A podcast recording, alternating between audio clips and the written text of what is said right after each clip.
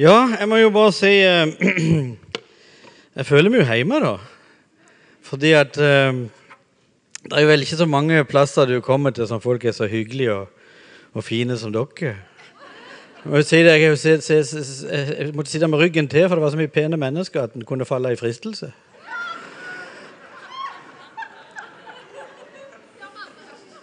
Nei, den var ny for meg òg, den. Men jeg pleier å si det mange ganger når jeg er rundt forbi for å sjarmere folk litt sånn at de er veldig vakre å se på. For det er veldig godt å høre gode ting om, om seg. Og på en måte noe av det er egentlig det du kjenner når du kommer i menigheten deres. Så kjenner vi at det er noe hjerte og varmt og noe godt, og mennesker blir sett her. Og, og eh, helbredelser skjer, og et fantastisk band og gode lovsangere. Altså eh, dere er heldige. Og så er- kjenner jeg jo litt til dere sånn eh, ellers. Vi følger jo med. og Vi har jo hatt samarbeid nå en stund på misjon. Så jeg, eh, jeg gleder meg veldig til å komme til Imi-kirka og være sammen med dere. Vi har, vi har diskutert litt forskjellige datoer, men det er fordi at vi har vært litt sånn på tur noen hver. Men sist gang jeg var sammen med det flotte ekteparet her, så var vi jo i, i Kambodsja og hadde, hadde konferanse der. Og det arbeidet som dere gjør i Kambodsja, det er jo mye med å hjelpe til med og, og også underholde og, gjøre med evangelistene. Det det var en glede å se eh, åssen det var, åssen seriøst det togs på mennesker skulle utvikles og læres opp og komme i tjeneste. Og, og, og liksom det å sette så mye investering og tid inn og krefter på at mennesker skal lykkes, det er noe som alltid lykkes. Så det var jeg veldig imponert over. Jeg har ikke sett mange sånne seminarer rundt i verden, men det, det lå langt, langt oppe på, på skalaen, det. Ehm, og når jeg kommer her nå, som jeg si jeg er skikkelig nervøs. Det er fordi at jeg ba i 1. januar, så har jeg alltid en sånn årsbønn som jeg pleier å be inn det nye året. Og eh, da ba jeg om et veldig urolig år. Og jeg har fenge det.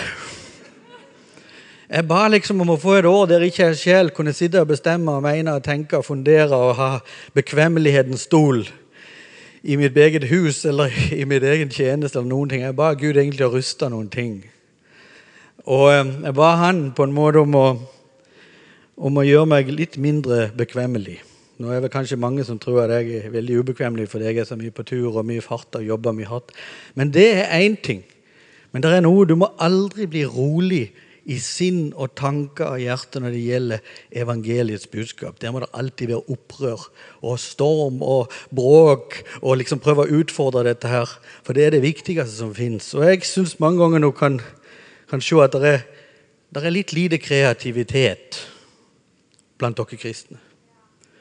Og kreativitet er jo liksom genen i Gud. Altså Han skapte noe, hele dette her virvaret og kaos og alle typer mennesker, du og meg, og hele systemet ut av ingenting. Så liksom når du gjenger tilbake til kreftene i Gud, så er han noe som er sånn Det er kreativt, det er skapende, det skjer noe. Det er ikke stillstand, det er ikke bekvemmelighet.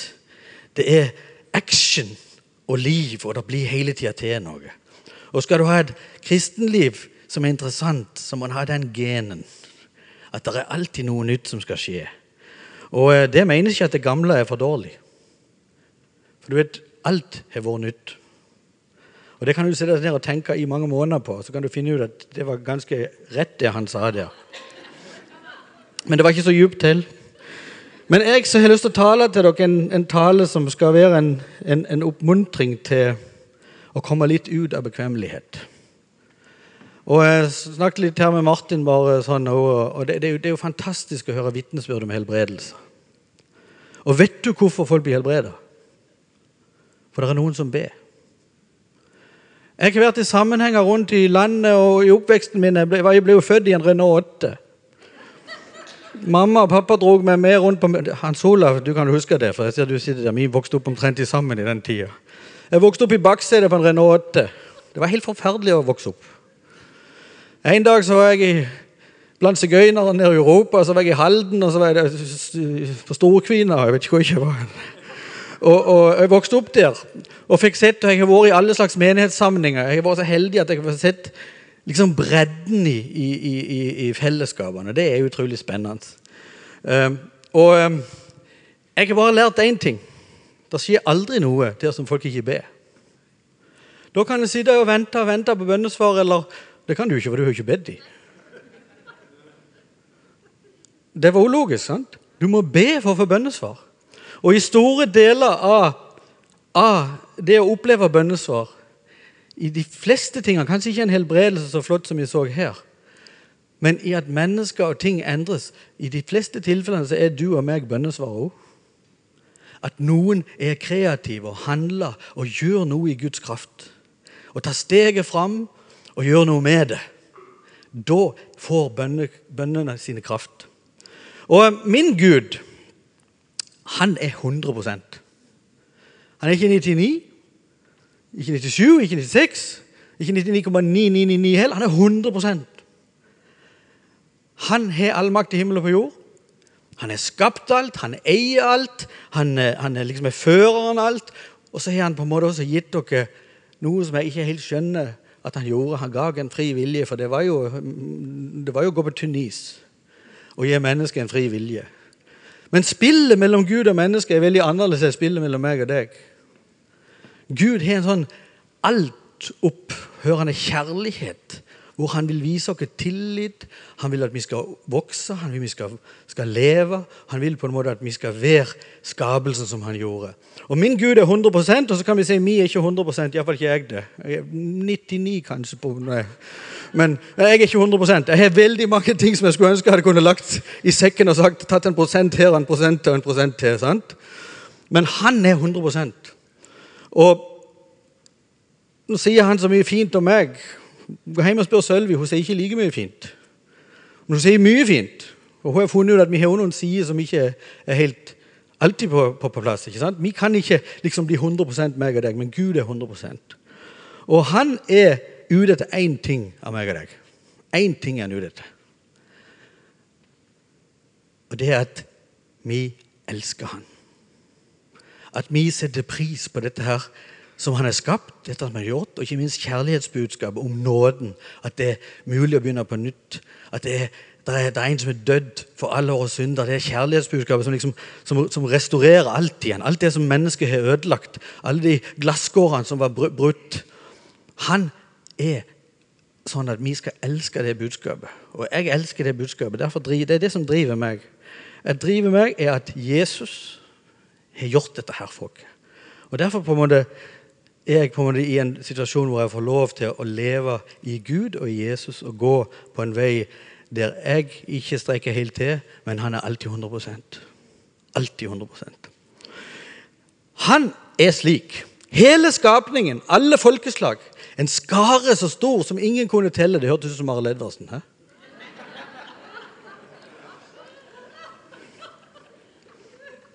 Alle de som tok imot ham, døde han for alle. Og vi skal liksom gå ut i hele verden. Når det har noe med Gud å gjøre, så er det ikke noe småtteri. Det er ikke å gå til Nå skal vi finne et sted. Til Sola. Det var kanskje et av de viktigste stedene å gå. Men det, ikke, det er ikke til å gå til Knaben eller, eller liksom ned på lista. Eller, han sier 'gå ut til alle'. Han snakker ikke om at vi skal liksom ha en liten framgang i høst. Han snakker ikke om at liksom, nå er det kanskje en flokk her og der som plutselig skal oppleve at nå får vi en fin tid.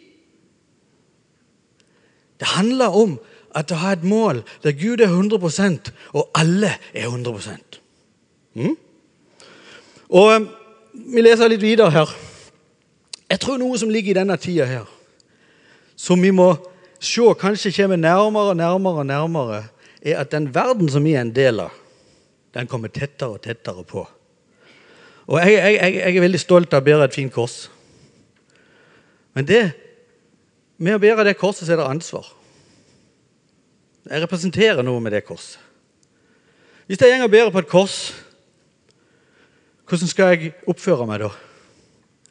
Skal jeg si nei, eller skal jeg si kom?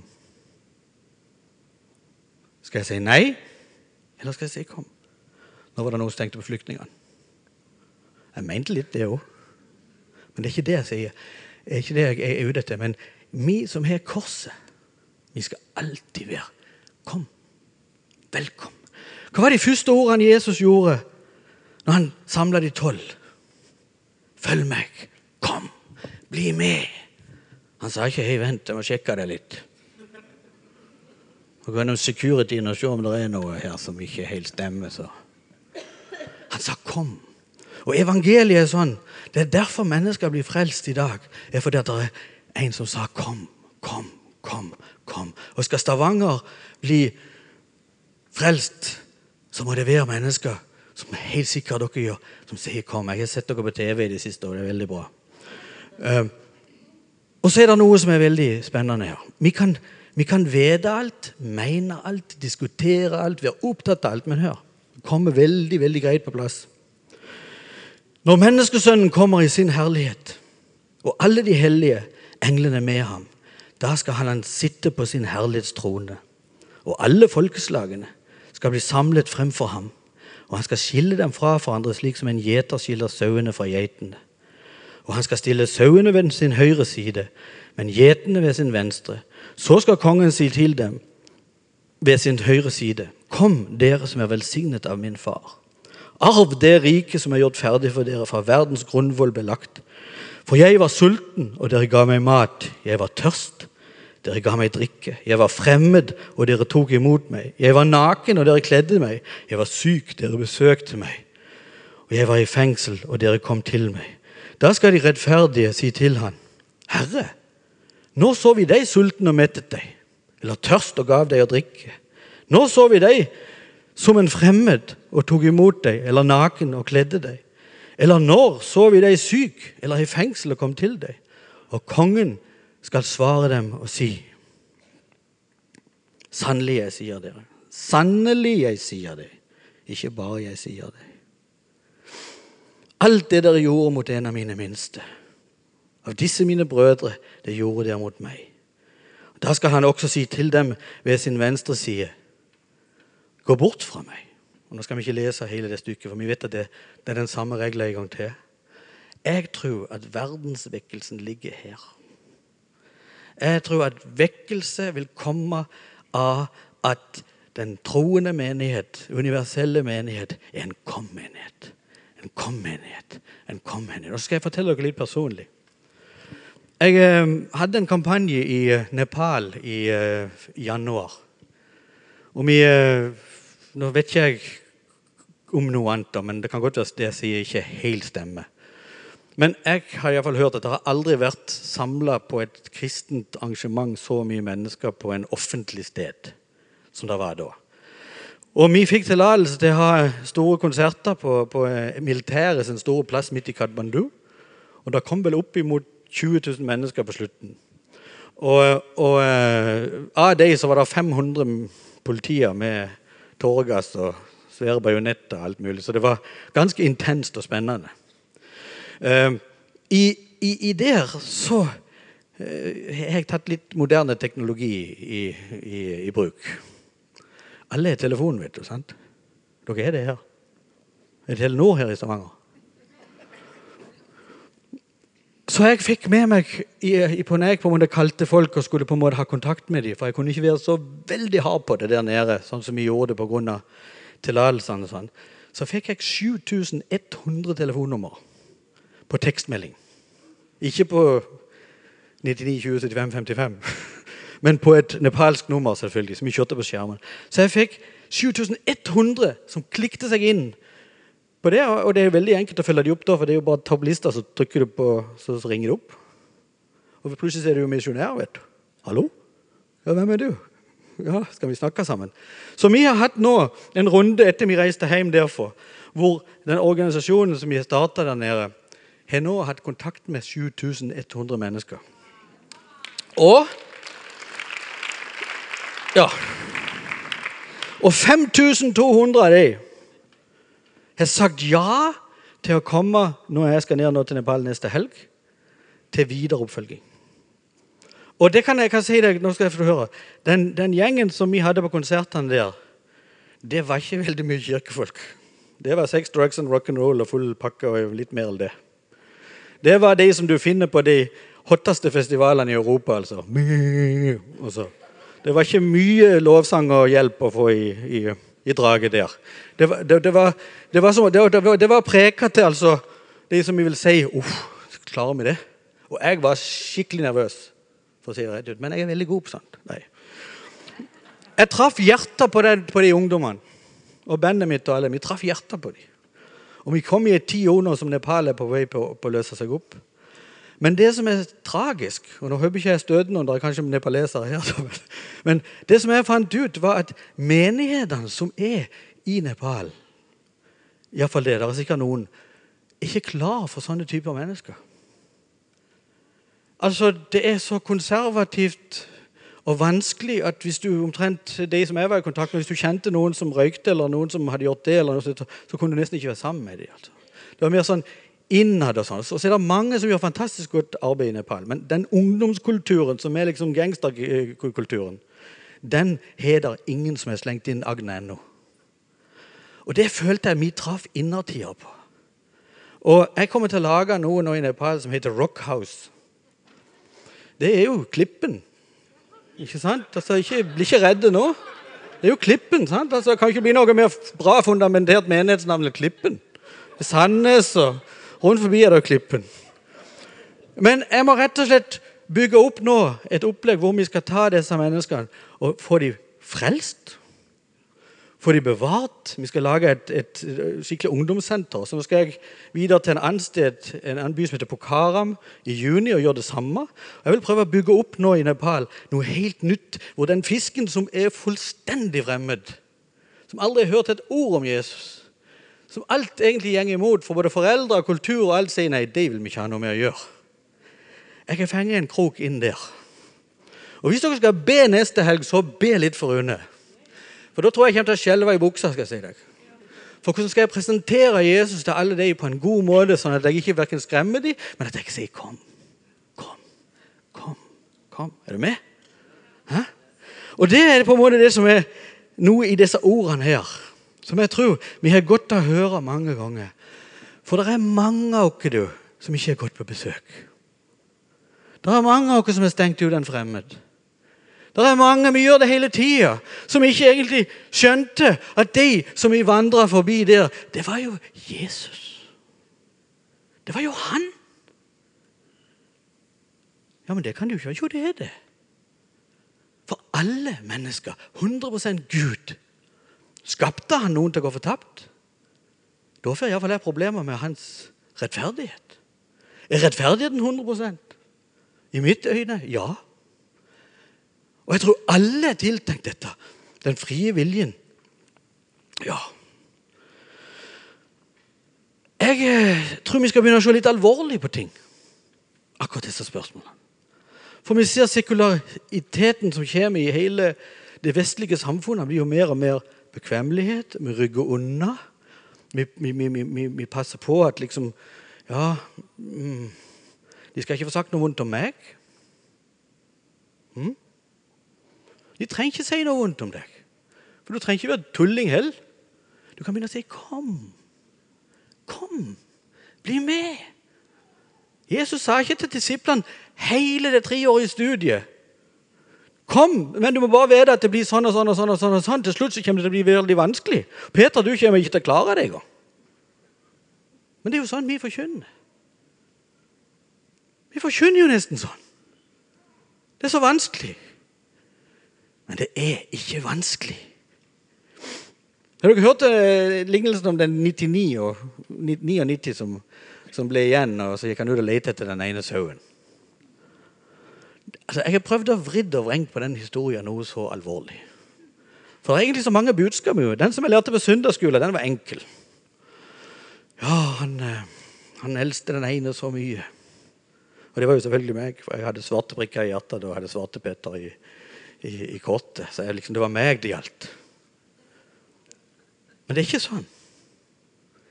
Han lot de 99 være igjen. Hvorfor? For han hadde plassert i et sted hvor det var trygt.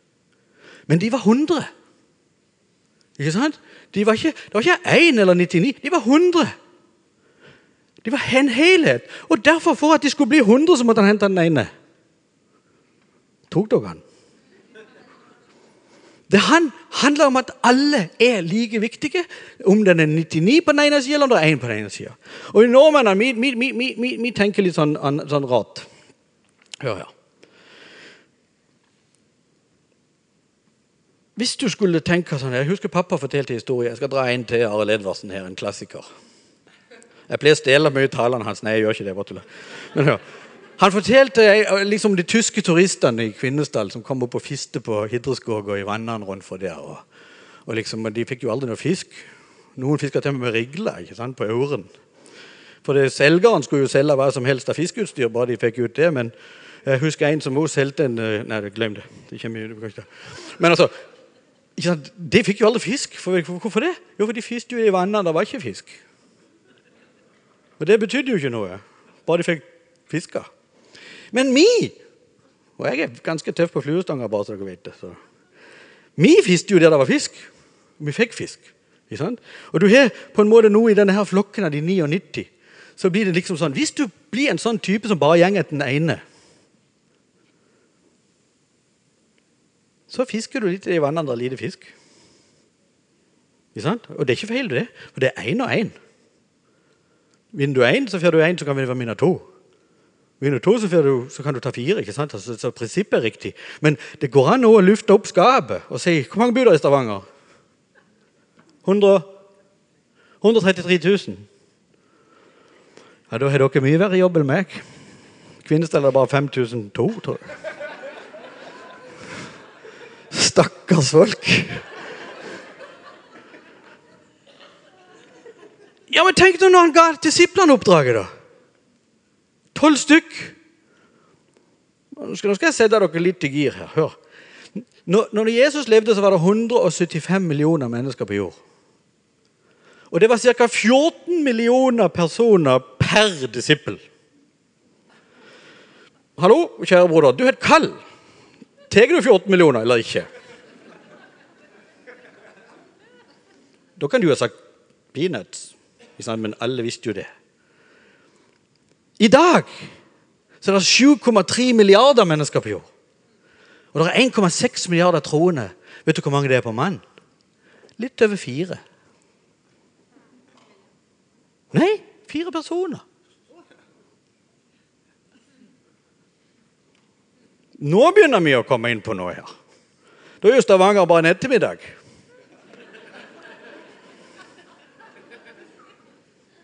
Du, Det er faktisk mulig i denne tid å forkynne om Jesus til alle folkeslag veldig fort. Veldig kjapt. Etter jeg begynte å diskutere politikk på, på, Facebook, så fikk jeg utrolig mange venner. Ikke alle som, som er like enige, men jeg fikk veldig mange venner. Og det, jo, det er jo interessant. Hvor mange av dere som har Facebook her? Hvor mange som har under ti venner på Facebook? Ingen? Hvor mange som er under 100? Én. Du må skjerpe deg. Hvor mange som er under 200? Der er til. Dere må ta dere litt i sømmene, sette dere litt mer og ikke bruke så mye tid på mann og, barn og sånne ting, og bare sitte på Facebook en stund. Så jeg sier ok, det, La oss si at du har 100, da. Det var liksom bonden her.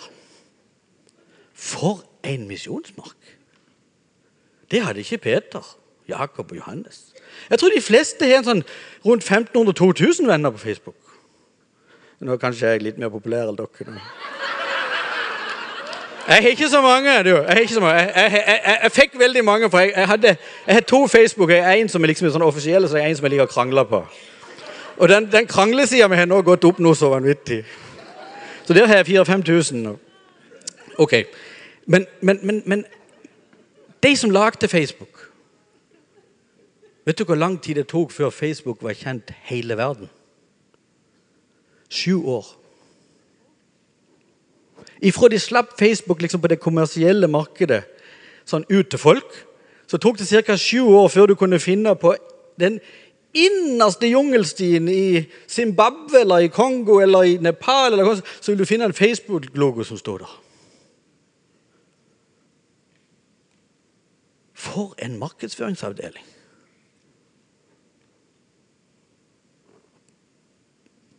Nå begynner jeg å få å skjemmes litt. For 2000 år siden så skjedde det noe som er så mye større enn Facebook og alle andre nyheter som har vært på denne jord. En kom og satte alle mennesker i frihet. Betalte en pris for alt det galne som noen kan tenke seg å få til å gjøre på denne jorda. Og vet du hvor mange som ennå ikke har hørt om det? For to år siden så var det 2,7 milliarder av 7,3 milliarder. Og jeg har gjeng og venta og venta på det skal bli 2,5. 2,4. Men vet du? Det er 3,03 milliarder nå. Det går galne veien. Men det er flere som blir frelst. Det er flere som går ut på misjonsoppdrag. Det er flere IMI, sterke sentre som begynner å gjøre oppdraget enda mer og mer, og mer synlig. Men 4,3 personer blir født hvert eneste sekund. Blir det født 0,3 her? Men altså, det, det, statistikk er statistikk, sant? men 4,3 sånn hvert sekund. Og 1,8 personer dør hvert sekund i verden. Og Det vil si at det er ikke på tida å sitte og være lite kreativ eller å vente eller å se at det kommer bedre tider. Det blir lettere etter hvert. Det kommer kanskje en superevangelist fra Egypt som skal hjelpe oss. Hallo! Det er på tide å bli markedsfører av evangeliet. Markedsfører er det største som noe menneske kan få. Men de må forstå det og være i stand til å ta imot det. og Derfor er det jeg sier kom, kom, bli med. Bli med. Med Jesus er alle ting mulig, vet du. Og Nå er det veldig sånn inn i Norge å være full av frykt. Og jeg har ikke lest noe annet i Bibelen. Hva står det i din bibel? Står det frykt eller frykt ikke? Frykt ikke. Han sier, 'Se, jeg er med dere alle dager inn til verdens ende'. Han er alltid med oss. Og så skal vi tilbake til den saueflokken, for det var egentlig det jeg skulle komme inn på poenget, men jeg skar ut litt her. Ikke så lett når så mye gode forkynnere her. Vi er en av de sauene, alle i håp, om vi vil det eller ikke. For Jesus kalte dere for sauer.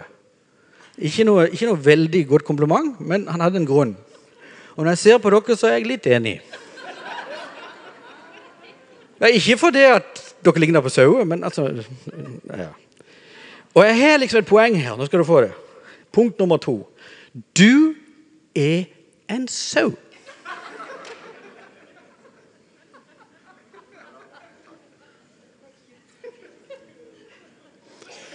Ja, så sier du da hva er framtida mi, da? Fårikål? Strikkesokker på basarene og så til jul? Det er framtida di. Ja, men jeg er jo så virtuell, viral og sterk og liksom Nei, du er ikke det. Du er en sau. Du kan ingenting. Du er liksom det uskyldigste dyret som finnes. Ulvene kan komme og ta deg nå som helst. Toget som kjører forbi på banen bort til Kristiansand Jeg vet ikke hvor mange sauer det dreper i året. Altså, sau er fritt vilt. Og det sier mesteren til oss. Du er en sau. Jeg har ikke likt det der, men jeg skjønte mer og mer. Jeg kommer aldri til å komme tilbake her.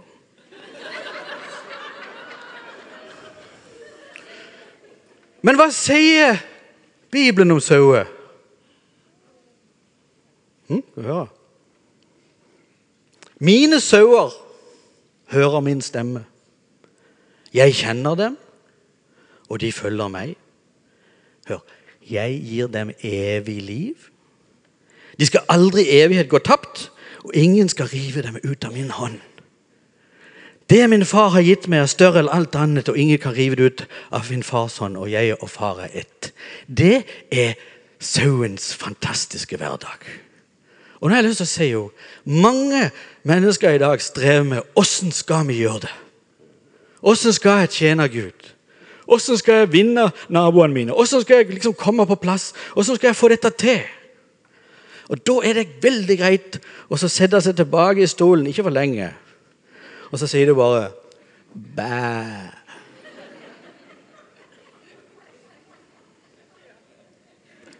For det, at det er han som skal gjøre det. Altså, Han skal ikke la deg sitte i den stolen så Gud gjør det selv. Han skal sammen med deg. Gå ut og vinne denne verden med misjon. Og så kan du si ja Hva er det du har inni deg? Guds rike bor i deg. Hæ? Guds rike bor i deg. Nå har jo jeg kvinnestallbudnaden på meg. Den går jeg alltid sånn. Og den må jeg ha på liksom, for å føle meg vel. Men hør, du har også en, en kledning som er mye finere enn Ja, ja my, ser jo Rune, nå må du ta det helt rolig. Vi er kledd inn i noe helt perfekt, for Guds rike har flytta inn i oss. Alle verktøy, kraft, autoritet, makt, nådegaver. Det som Jesus har lagt for at menneskets redningsaksjon skulle være fullkommen, det bor i meg og deg. og Derfor kan vi på en måte ta det som sauen og si ja, jeg er et redskap. Og så er det han som er med på tur. Det er han som er med på gata i Stavanger. Det er han som er med i menigheten. Det er han som er, Men det er ei tid nå hvor vi må bli litt mindre bekvemmelige. Mindre bekvemmelige. Og så har jeg lært meg én ting når det gjelder frukt. Jeg har en tale som heter 'Den, første, den fødte feiging'. Og det handler om han her. Jeg er utrolig feig type. Når jeg var sånn unggutt så jeg var, ja, jeg var frelst eh, litt på søndags formiddag. Så var jeg ikke så veldig frelst de andre dagene. Jeg var en sånn type som når vi kom i, i slagsmål, så var jeg veldig stor i kjeften helt til det smalt. Så klarte jeg fint å finne en plass ut. Jeg hadde en sånn type som unngår, og så hadde jeg et, et motto i livet som sa de må gjøre det. Nå må noen gripe inn her. Nå må det sannelig få gjort noe her. Nå må de gjøre noe. Jeg steppte ut av alle sånne ting. I sånn, sånn personlig som Det må være Gud som har forandra meg litt, for jeg er blitt litt tøffere med tida. Men hør, så er jeg sånn type som ikke ville ha vært den som sto først i køen unntatt når vi skulle ha mat. Altså, men, men som, som, kom til å si til, til troppene 'nå går vi'. Det er ikke, det er ikke min karakter. Um, og, og, og, og, der er det mye i det kristne Norge i dag. Det er veldig mye ansvarsforskrivelse. Kan vi finne noe å bli såra på, så har vi gjort det godt. Kan vi finne noen som har gjort noe galt i forhold til oss selv, så har vi gjort det godt. Vi leter etter unnskyldninger, men dette kommer til å komme som en rambukk tilbake igjen. For det eneste som kan stå seg opp imot det onde, og imot det som på en måte kommer imot verden, og en avslutning, hvis ikke vi skal ha en seier, det er handlingskraft. Og at mennesker med Guds rike i seg reiser seg opp og sier 'Jeg skal gjøre noe med det'. Kom. Kom. Kom. Og Dere har jo noe veldig fint i denne menigheten som heter godhet. Og når til og pastoren legger seg på kne for deg når du kommer her bort ja, Lederen for misjonsleder, hva du er for noe i dag, det vet jeg ikke. Han legger seg på kne og sier han, uh, uh, til meg, så kjente jeg bare Å, kjære Gud, nå, nå har jeg gjort en mann ydmyk. Det var ikke meg, det var han. Dere er et ydmykt folk. Og jeg merker det bare ved her. Dere er mennesker som ønsker å tjene Jesus. Og eh, Der ligger faktisk hele greia, men det må handling bak. Og Du må snu det umulige til det mulige. Har dere hørt om eh, i, Norge så er vi vel er det 5-10% som gjenger til kirke i løpet av uka. Mellom 5 og 10, tror jeg. Eller i måneden. Vi er ikke mange aktive kirkegjengere i, i Norge. Og Det vil jo si at i et land også som kanskje mellom 10 og 12% er personlig troende, så har du to måter å se dette her på. Du kan se det på det Uff, det går aldri. Hvis du tok menighetslivet i Stavanger, så er det nok et av de største menighetslivene i Norge. tror jeg. Kommer du til Oslo og Trøndelag og, og, og Hamar og andre regioner, så er tallene veldig stygge i forhold til hvor mange som finner seg til rette i menighetene våre. Og det vil si at kanskje når vi går på tur i Oslo, eller noe sånt, så er hvis vi tenker heller til tallet 100, så er kanskje 98 av de personer som du møtte de første 300 meterne på Karl Johan, kjenner ikke Jesus. Eller har ingen i sitt nærmiljø som har noe med Jesus å gjøre. Og Da kan en sette seg ned og så kan en si åh, det, det, det går aldri. Men hvis du har jegeren sin initiativ, Tenk om du var hjortejeger, og du kom ut på egnen. Og så ser du 100 hjort. Og så er det bare to av de som har sånn eh, skuddsikker vest. Ja, du skjønte den, sant? Det kunne de jo ikke skyte, sant? for det var ikke noe vits. De, kom ikke til dette. Men det var 98 som ikke hadde vester. Og så var det to som var skikkelig sånn Du vet, De hadde tatt opp agen og gjort sånn med en gang. ikke sant? Det har ikke vært noe enkeltskyterløp på det. Og jeg tror det er noe av det vi må speede opp, kjære venner. Og forstå det, at det som vi har, slutt å pakke det inn. Si 'kom'. Og så gå til aksjon. Og Jeg treffer utrolig mange mennesker som ikke går i kirke. Og Jeg har ennå ikke hørt Eller jeg har ennå ikke blitt forfulgt for min tro i, i Norge. Ingen som har spytta på meg eller slått meg eller satt meg i fengsel eller brukt elektroder på meg. Jeg har hørt noen som har sagt at ja, ja, det er det du tror på, er bare tull. Det er den største forfølgelse jeg har opplevd i Norge. Så det er ikke så farlig, ser du. Du kommer hjem igjen.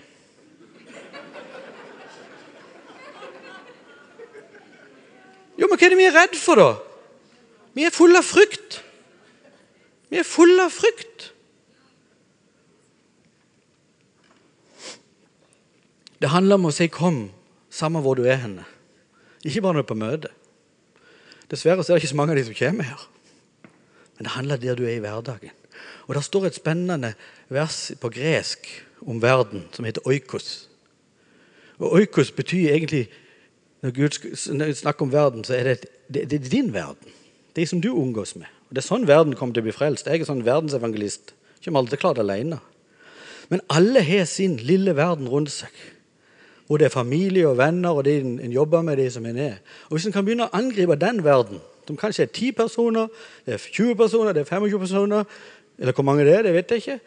Men hvis du begynner i det miljøet der som du er hele tida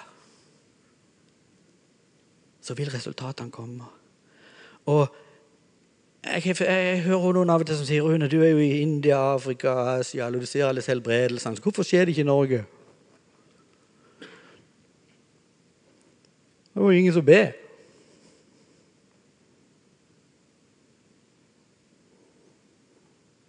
Og det merker jeg her.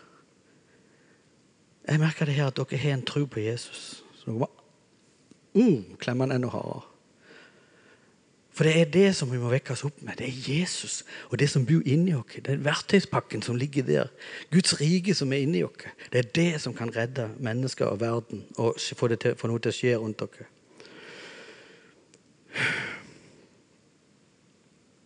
Jeg vet ikke om dette blir så godt.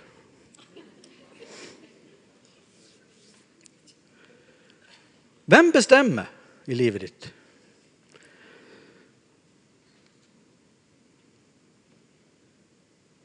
Hvem bestemmer i livet ditt?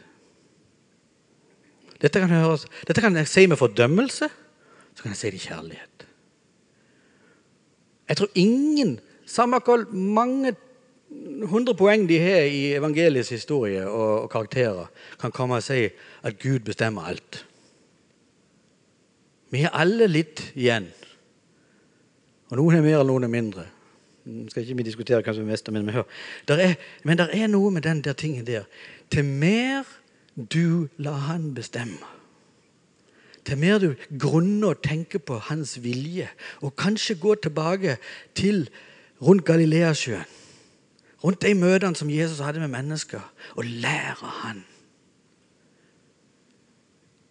Har du funnet et sted hvor han spredde fordømmelse? Jeg har ikke funnet det ennå. Det var noen han var litt irritert på. Det var noen som trodde de visste alt. Det har vi jo ingen av i Norge. Men hør. Han spredde bare et kjærlighetsevangelium som var 'kom, kom, kom'. Og jeg må si, Det har jeg lært meg gjennom et langt liv nå og sett i Jeg har vært i alle slags forsamlinger, kirker, bevegelser i land og kampanjer og store ledere. altså Jeg kjenner ganske mange.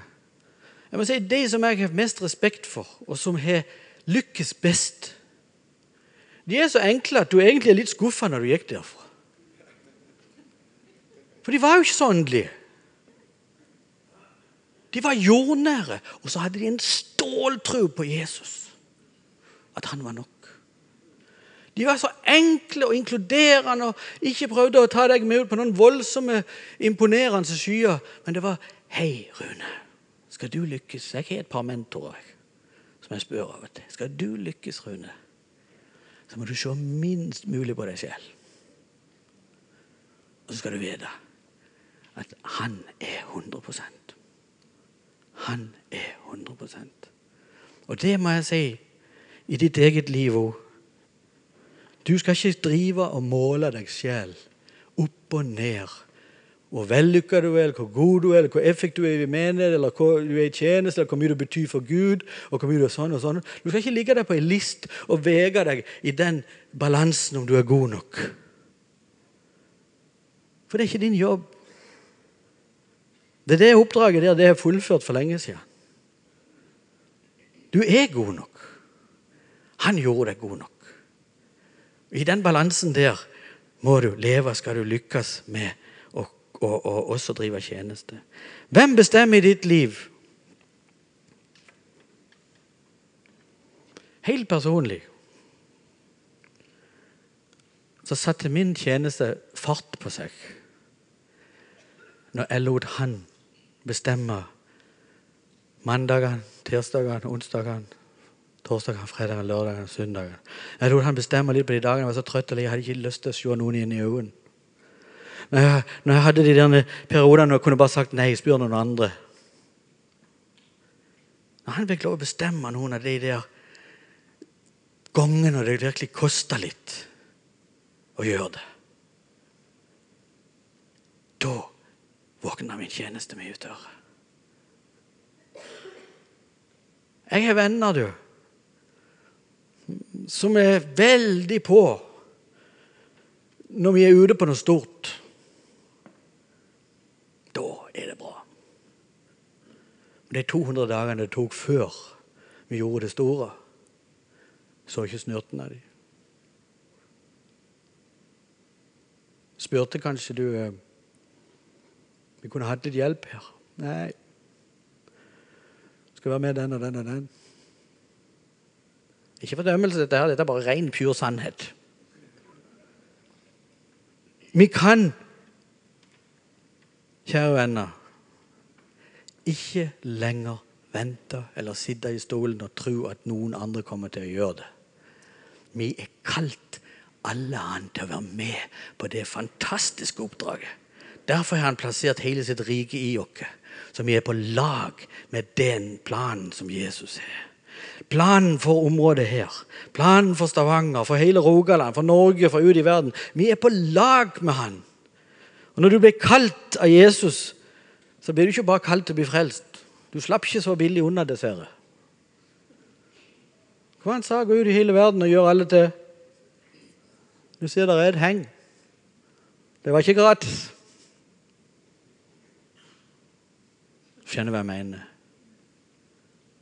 Og Derfor vil jeg avslutte talen min med et spørsmål.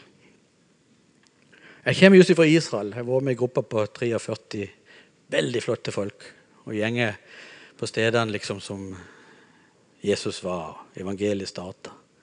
Det kommer liksom litt nærere når du er der. og Får meditert litt. og Selv om jeg hadde ansvar for mange, så, så fikk jeg litt sånn personlig og litt tid til å, å tenke litt. Og når du gjenger på Genesaretsjøen så tenker du på det. Det er bare bra, det der. Jeg er vant til skyting og bråk når jeg er ute. Du trenger ikke være redd. Så jeg tåler sånn, så må du bare være småtteri.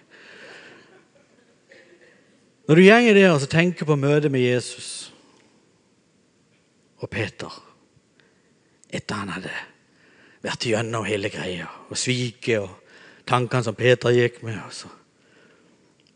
Så kommer spørsmålet når Jesus spør Peter. Han tar til meg med hvem han var sønn av. Så jeg sier gang på gang til meg sjøl Rune, sønn av Kari, elsker du meg? Ja, jeg gjør det. Så spør han igjen, vet du. Ja, Rune, elsker du meg virkelig? Ja, jeg gjør det. Og så begynner tenke. Gjør jeg egentlig det? Eller er det noe jeg sier? Er det noe sånn som jeg må prøve liksom i sånn hva skal jeg si, kulturelt, kristent tankeliv sier ja, jeg elsker deg?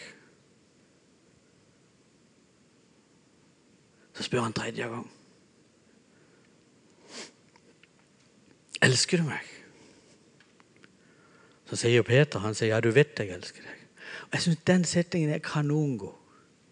For du vet jo akkurat det er det som er helt sant. Han vet at du elsker han. For han er så nær deg. Og jeg har lyst til å si i denne tida her Måten vi skal vinne Norge på, det er å gi gjensvar på den kjærligheten. Hva er det du vil gjøre for noen som har gjort noe godt for deg? Hvis du satt i rullestol en vinter og ikke hadde ved Hvis Martin kom da hver eneste dag med en favn med ved og fyrte opp huset ditt Det klarte du ikke selv. Og så brakk Martin av en eller annen grunn beinet neste år. Tror du du hadde stukket innom han med noe ved, da? Ja, det hadde du. Du hadde følt deg nesten forplikta til det. For det han gjorde, var så flott for meg. Og hei, Jesus døde for meg og deg.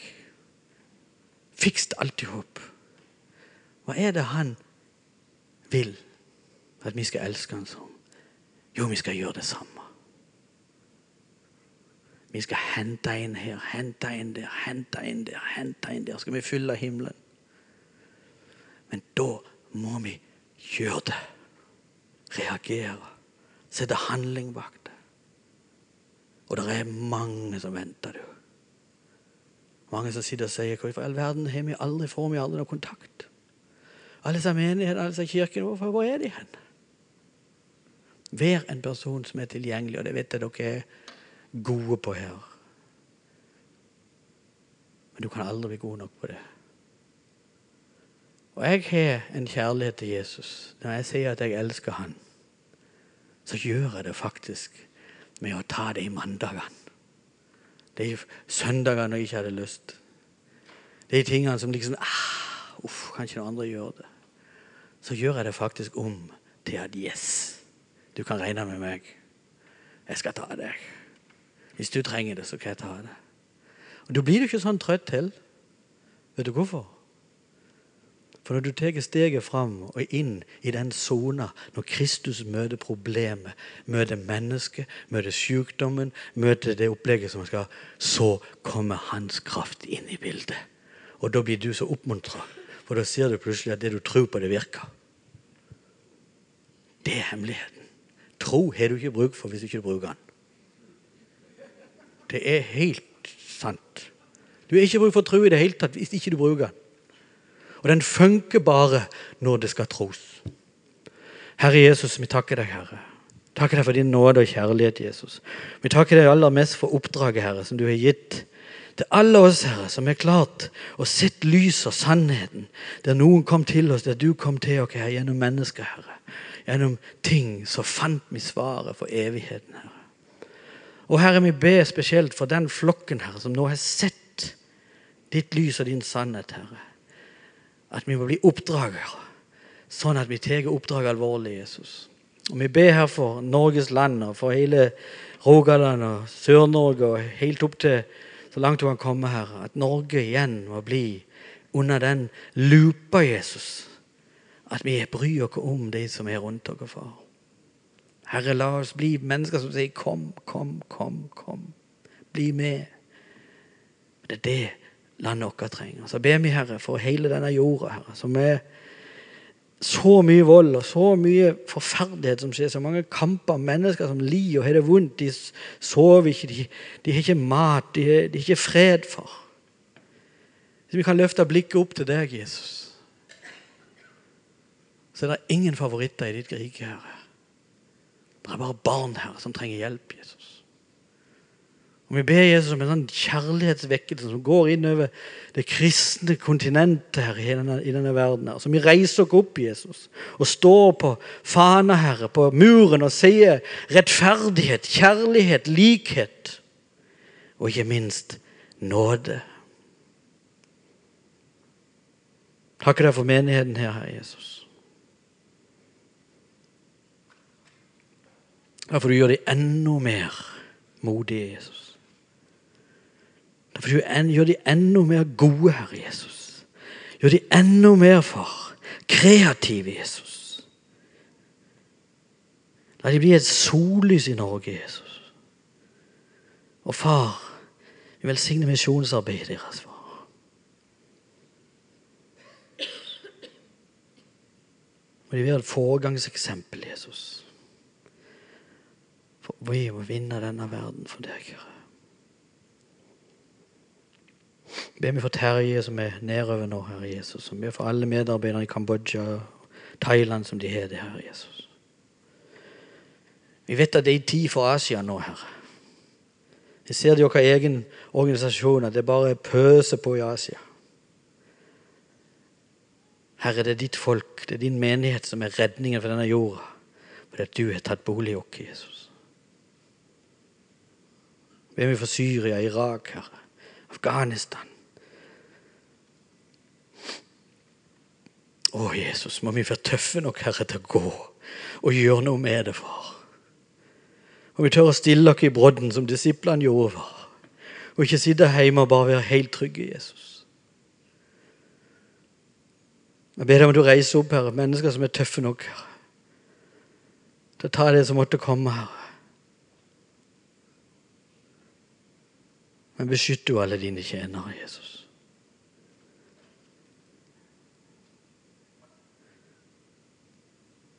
Jeg ber om at pionerånden, som Norge er bygd på Jesus Når misjonærene gikk ut til alle jordens ender, Herre.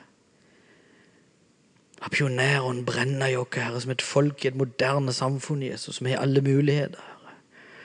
Til å ha det den der i oss, far, som gjør at vi skal være den første på de høyeste fjellene. Vi skal være de første, Herre, som gjør det. Vi skal gå, Herre.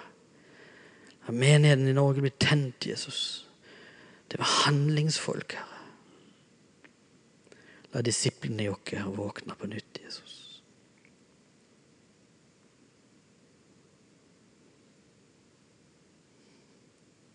Herre, jeg ber for Nepal i neste uke. Jeg bare ber, Herre. Jeg kjenner meg så ydmyk på det, far. Kjenner, frykten bare rase i kroppen min, på. Men jeg vet, Herre, at den dagen jeg står der for de folkene, her, så skal jeg stå i, i kraft og i trygghet på at du er sendt og Gud for å røve fiendens leir, Herre Jesus. Jeg ønsker at troen på Jesus skal forandre verden og bringe oss inn i alle religioner, alle tåkelagte ting som er lagt ut her for at mennesker skal gå fortapt og falle i snare, Herre. Å, Jesus.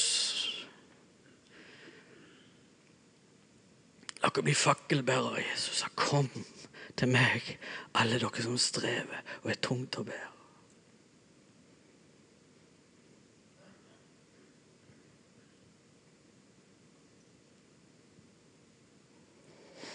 Amen. Det er ingenting, kjære venner. Ingenting kan stå seg mot evangeliet. Ingen fremmed frykt, fremmed makt, fremmed religion, fremmed noe. Ingenting kan ta Jesus sin plass. Han er seier over alle ting. Frykt ikke. Men si 'kom'. Vær med. Gjør Hans ord. Det ville vil være feil evangelium å si noe annet. Det er ikke et menneske som er født på denne jorda uten å skulle være med i hans plan. Men la be om å bli tøffe nok til å gå det i møte. Amen.